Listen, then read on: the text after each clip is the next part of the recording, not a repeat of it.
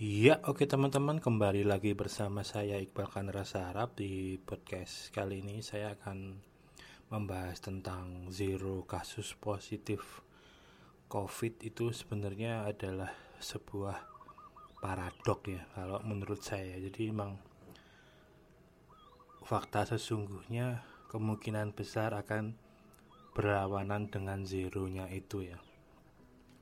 Karena untuk bisa bisa melihat data tentang banyaknya positif itu tidak ada cara lain dengan memperbanyak tes ya entah itu swab tes atau antigen kit ya yang itu tes yang membuat yang paling efektif untuk mendeteksi positif ya. jadi enggak yang sebatas rapid test itulah kurang lebih seperti itu ya jadi buat saya sih sebenarnya ketika negara ruang itu variabel tesnya sudah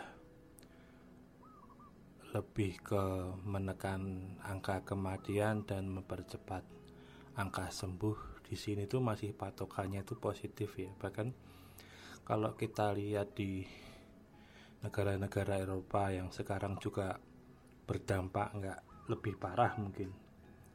Dari sini lebih parah dalam artian kasus kematian dan positifnya lebih banyak.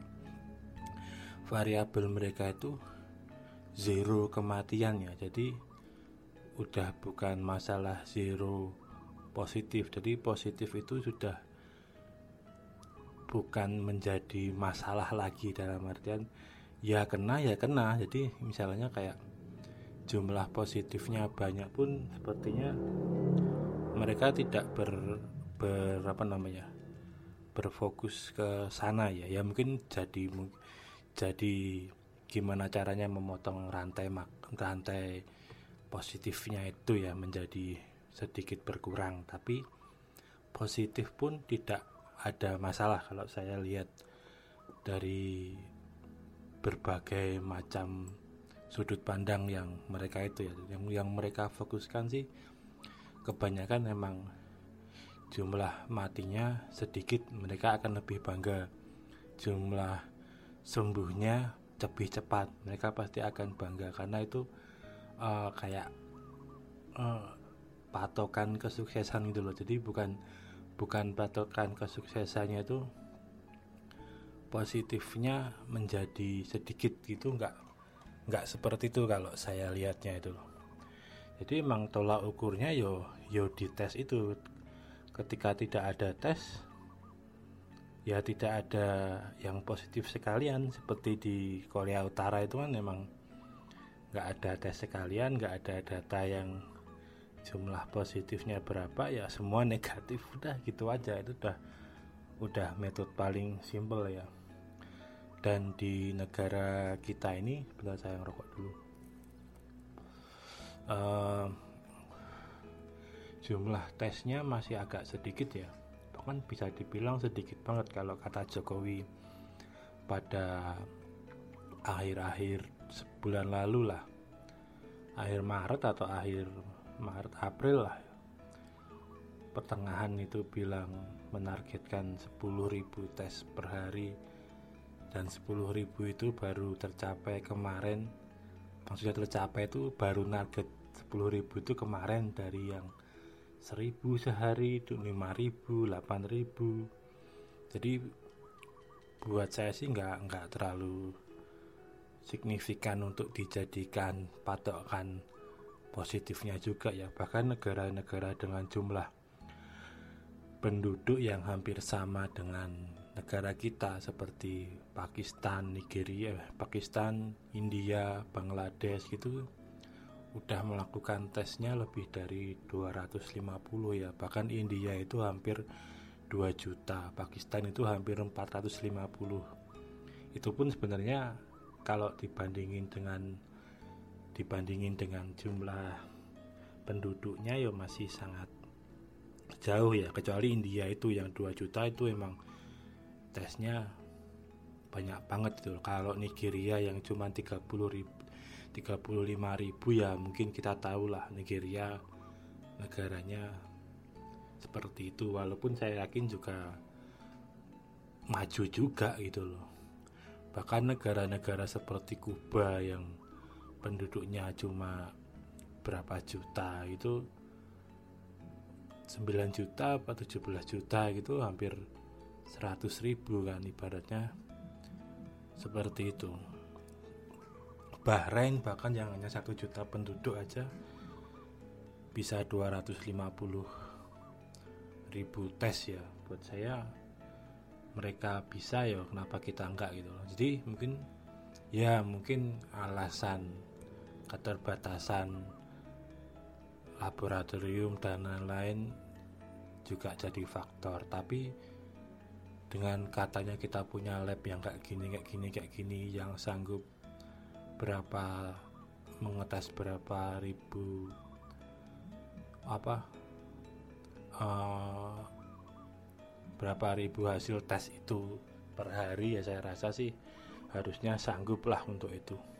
Juga kalau alasannya alasannya itu tentang negara kita kan sangat luas kepulauan udahlah dipersempit lagi lah. Kita tes hanya di Jawa aja.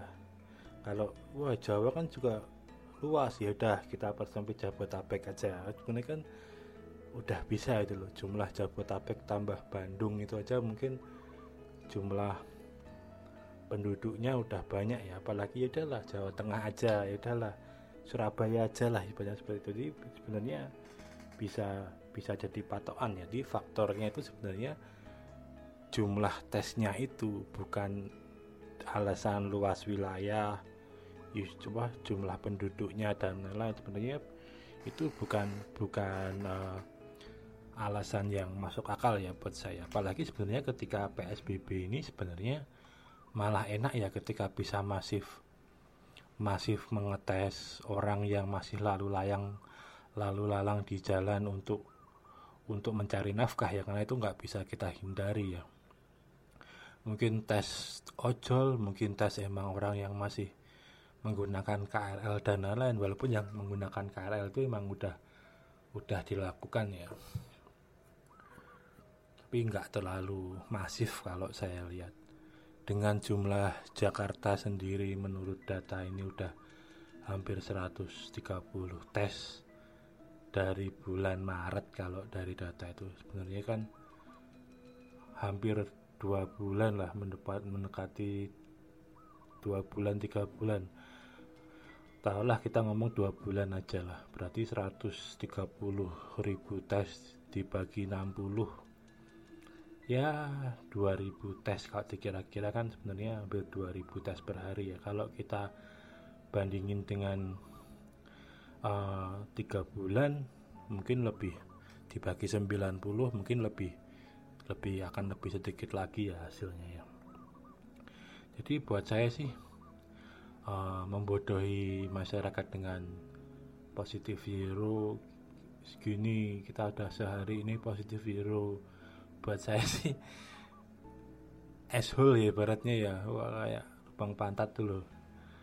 Brojol gitu aja nggak nggak nggak ada apa yang bisa di itu ya. Karena ketika kita ngomong zero positif gitu namun dibandingin dibandingkan dengan hasil hasil tesnya yang udah taruhlah sesuai dengan apa yang di maulah 10.000 tes per hari. Mungkin agak agak agak sedikit realistis bu. Berarti emang yang kena sedikit. Tapi ketika jumlah tesnya 10.000 aja belum tercapai ya buat saya ya nggak ada gunanya juga gitu loh 10.000 itu kalau dibagi 5 provinsi aja sebenarnya satu provinsi harusnya 2000 tes per hari ya. Kalau 10.000 itu dibagi 27 provinsi sebenarnya jumlahnya lebih sedikit lagi ya. Mungkin nggak nggak nyampe berapa itu? Nggak nyampe 300 tes sehari ya harusnya ya. Masa 300 tes sehari per provinsi nggak nggak bisa tercapai kan buat saya kan. Sebenarnya itu lumayan lumayan aneh juga ya. Dan itu lebih anehnya lagi tuh kalau saya tuh banyak aturan yang tidak efektif dan banyak uang yang keluar untuk hal-hal yang tidak penting gitu loh. Buat saya yang paling konyol ya perihal prakerja itu ya kita semua tahu yang 5,6 triliun dan lain-lain itu kan sebenarnya juga menurut saya ashole juga ya. Di saat-saat seperti ini sebenarnya uang uang uang segitu tuh lebih lebih efektif buat muterin muterin uang ke UKM UKM atau apa ya. Jadi ekonomi juga lebih muter daripada buat hanya sekedar buat belajar yang yang ketika belajar juga mereka masih pada akhirnya juga masih mencari pendapatan lain juga gitu loh. Jadi nggak nggak ada gunanya sama sekali gitu loh buat saya loh ya untuk untuk ke depannya pun masih terlalu amat jauh gitu loh. Karena juga materinya seperti kita tahu di YouTube juga banyak kalau cuman mau nyari cara berternak lele atau cara menggunakan Photoshop pun juga sebenarnya masih banyak dicari gitu loh. Ya buat saya sih sebenarnya negara ini tuh nggak tahu ya apa karena anak miskin atau emang gimana saya juga nggak tahu ya. Juga negara ini tuh udah udah posisi kayak gini itu masih masih riset segitu matengnya dan itu kapan nanti mau berakhir juga nggak maksudnya riset yang nanti hasilnya itu nggak tahu itu juga buat saya juga bang-bang waktu juga uang uang waktu dan uang juga ya. Paling enak sebenarnya yo ya amati tiru modifikasi itu aja atau bahkan amati tiru udah itu nggak usah pakai mikir lagi itu. Kalau memang negara ini uh, tidak mau berpatokan dengan negara-negara seperti Amerika atau Jerman atau apa ya. Mungkin juga kalau untuk kita bandingin secara level level entah itu keuangan entah itu masyarakat dan lain-lain mungkin terlalu jauh ya. Tapi kalau kita bandingin sama negara-negara yang juga menggunakan yang hidup dari UMKM dan lain-lain seperti seperti mana? Filipina, Vietnam, Thailand, India itu juga bahkan Cina sendiri ya itu sebenarnya bisa jadi patokan ya yang mungkin tipe usernya kalau kita lihat di video-video atau apa ya tingkat kemprohnya itu sama itu sebenarnya kan bisa jadi tolak ukur yang sama ya. Itu mereka pun bisa melakukan tes sebegitu sebegitu banyaknya juga ya. Dan imbas dari sebegitu banyaknya kan kalau kita lihat di YouTube YouTube vlogger-vlogger Indo yang lagi entah itu belajar entah itu merantau di sana. Kalau kita lihat situasi lingkungan sekitarnya ketika mereka ngevlog di luar juga uh, ramenya itu juga sebenarnya hampir sama seperti sini ya bahkan lebih lebih rame lagi. Tapi kalau kita bandingin vlog-vlog mereka yang bulan-bulan Desember atau apa ya tingkat keramaian di negara-negara itu jauh lebih berkurang ya tapi tetap ramai gitu loh. Jadi menurut saya ketika ini asumsi saya ya jadi negara UMKM itu ketika mereka ada contoh dari negara mereka sendiri mereka akan lebih percaya ya daripada mereka hanya kita hanya membandingkan oh yang yang kena segini yang sembuh 10% yang apa yang mati 5% yang mati 10% dan lain-lain. Tapi ketika itu tidak real terjadi di negara sendiri itu ya nggak akan dianggap juga gitu loh. Jadi kayak yos masa bodoh gitu pada akhirnya juga kayak gitu. Nah dampak dari masa bodoh dan lain-lain itu dan tidak tidak berimbangnya sebagian orang yang udah mau berkorban dan tanda kutip ya mereka mau misal di rumah aja dan lain-lain tapi yang lain masih di luar. Di luar ini saya bilang orang-orang yang itu ya di luar orang yang memang harus kerja di luar ya seperti ojol dan lain-lain ya itu jadi jadi tidak ada kepercayaan untuk melakukan hal apa pun ya dalam artian lebih ke ekonominya yang jadi tidak berputar ya mereka pasti akan mengamankan diri mereka sendiri dengan nyetok dengan apa dengan apa. Karena tidak tidak memiliki kepercayaan bahwa wah, mending aku uh, ngamanin diriku sendiri kan lebih seperti itu. Ya apalagi yang kasus-kasus terdekat itu kan kayak kemarin kasus McD Sarinah itu kan sebenarnya buat saya konyol ya. Di mana yang di sana juga rata-rata orang yang menengah ke atas mereka pun masih masih melakukan hal seperti itu. Buat saya ya ya konyol juga sih sebenarnya seperti itu. Jadi negara UMKM itu emang sebenarnya emang butuh contoh dari negara mereka sendiri ya untuk menjadi percaya diri atau apa ya. Buat saya nggak masalah sih. Kita tes 10.000 per hari gitu tercapai gitu. Misal jumlah positif di negara kita menjadi satu juta atau 500 ribu gitu. tapi ketika nantinya bahwa data data yang sembuh itu signifikan yang sembuh lebih banyak dari yang meninggal buat saya tetap kepercayaan diri orang itu tetap akan terbangun ya. Wah oh, ternyata ya kena ya rapopo loh. Daripada kena ya rapopo tapi tidak ada data yang real gitu loh.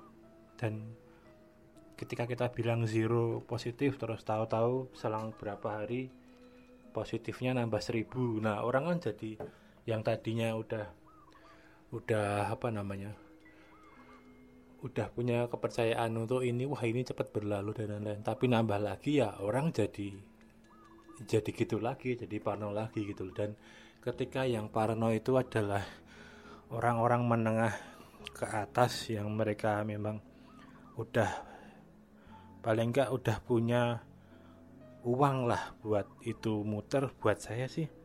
Itu akan berdampak ya. Seperti kita tahu bahwa jumlah sekarang ini kan walaupun ini udah sangat-sangat signifikan bertambah ya. Mungkin awal-awal awal-awal Mei atau akhir-akhir Maret, Maret April lah itu kan jumlah driver lebih banyak dari jumlah orang yang ingin order. Buat saya sih kejanggalan itu kan bukan kejanggalan sih. Uh, jomplangnya perbedaan itu kan karena orang-orang ya udah nggak mau order lagi. Untuk saat itu ya ibaratnya ya mereka yang ya wis aku di rumah.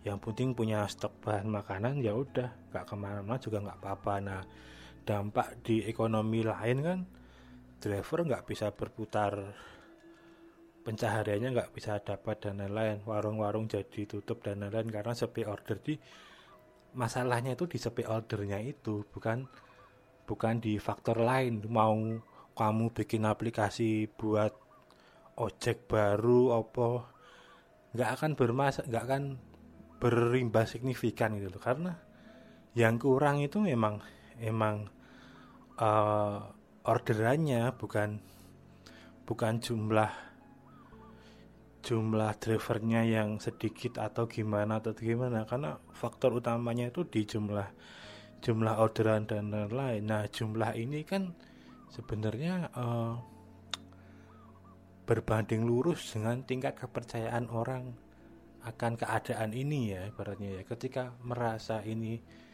uh, dampaknya akan positif signifikan ya PSBB berjalan dengan lancar misal terus data positifnya ada, tingkat tesnya banyak, yang sembuh banyak, pemerintah memberikan uh, informasi bahwa yang sembuh banyak, negara bekerja maksimal dan lain-lain. Nah, orang itu jadi, yo berarti ya udah aku kena rapopo berarti ini juga juga bisa sembuh juga gitu atau oh ya wes lah aku pakai masker dan lain-lain yang penting nanti juga kalau jaga diri dan lain-lain juga nggak kena jadi ada faktor terasnya itu dari apa yang sudah dilakukan pemerintah dan jumlah data yang ada positifnya dan lain-lain gitu ya. Jadi kalau itu nggak ada zero kasus dan lain-lain terus tahu-tahu nambah ya orang tidak akan tidak akan percaya lagi gitu loh dan orang tidak akan percaya lagi ya imbasnya itu tadi yang saya bilangin tadi. Orang jadi nyetop dan lain-lain. Karena memang orang yang menengah ke atas dan lain-lain ya juga lebih baik mikirin dirinya sendiri daripada mikirin mikirin orang lain gitu ya buat saya sih emang emang itu sih yang yang kuncinya sih. Kalau emang ya berdamai berdamai itu nggak apa-apa.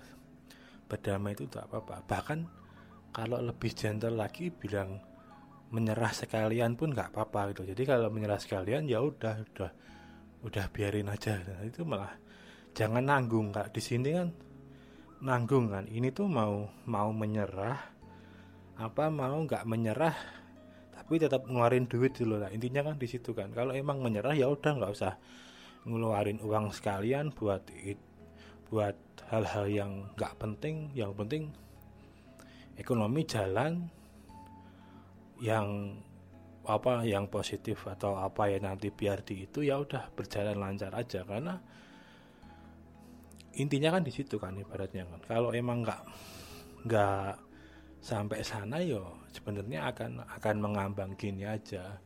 Dan mengambang gini aja itu sebenarnya juga berdampak berdampak lama juga ya dalam ekonomi ya. Ibaratnya misal entah itu dirumahkan, entah itu yang dipotong gajinya, entah itu yang apa itu kan sampai kapan dan lain-lain kan juga belum jelas ya.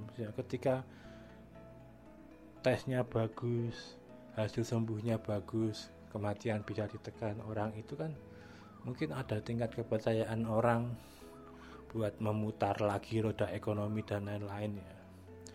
Ya buat saya sih seperti itu sih. Intinya sih pokoknya ketika jumlah tes yang dilakukan itu nggak banyak sih nggak akan nggak akan berimbas banyak ya. Walaupun pada akhirnya orang masa bodoh yang masa bodoh itu adalah mungkin emang orang-orang yang emang udah kepepet kepepet duitnya dan lain-lain ya. Tapi untuk untuk market orang yang pembelinya dan lain-lain itu pasti tidak akan berdampak signifikan ya. Ya semoga aja ini cepat berlalulah asul-asul corona ini biar semua bisa kembali dengan normal. Kembali dengan normal dalam artian kalau saya ini sih ekonominya semuanya berjalan dengan normal. Kalau cuma masalah terus jaga jarak terus apa namanya pakai masker dan lain-lain sih buat saya itu itu bukan bukan new new yang new new banget gitu loh ibaratnya Allah cuma pakai masker aja apa apa beratnya itu loh ibaratnya. Jadi bukan bukan terus kita jadi sesuatu yang benar-benar baru dalam artian orang yang dari desa pindah ke kota terus bingung lihat perubahan. Itu bukan bukan hal seperti itu ya. Cuman Allah cuma nambah pakai masker dan lain-lain. Kalau orang-orang KRL, orang-orang apa pasti udah terlalu biasa dengan masker kayak gitu-gitu mungkin udah udah hal yang biasa jadi bukan bukan hal yang signifikan dalam new itu ibaratnya. Ya mungkin segitu aja teman-teman podcast saya kali ini. Semoga bermanfaat buat kita semua. Salam olahraga.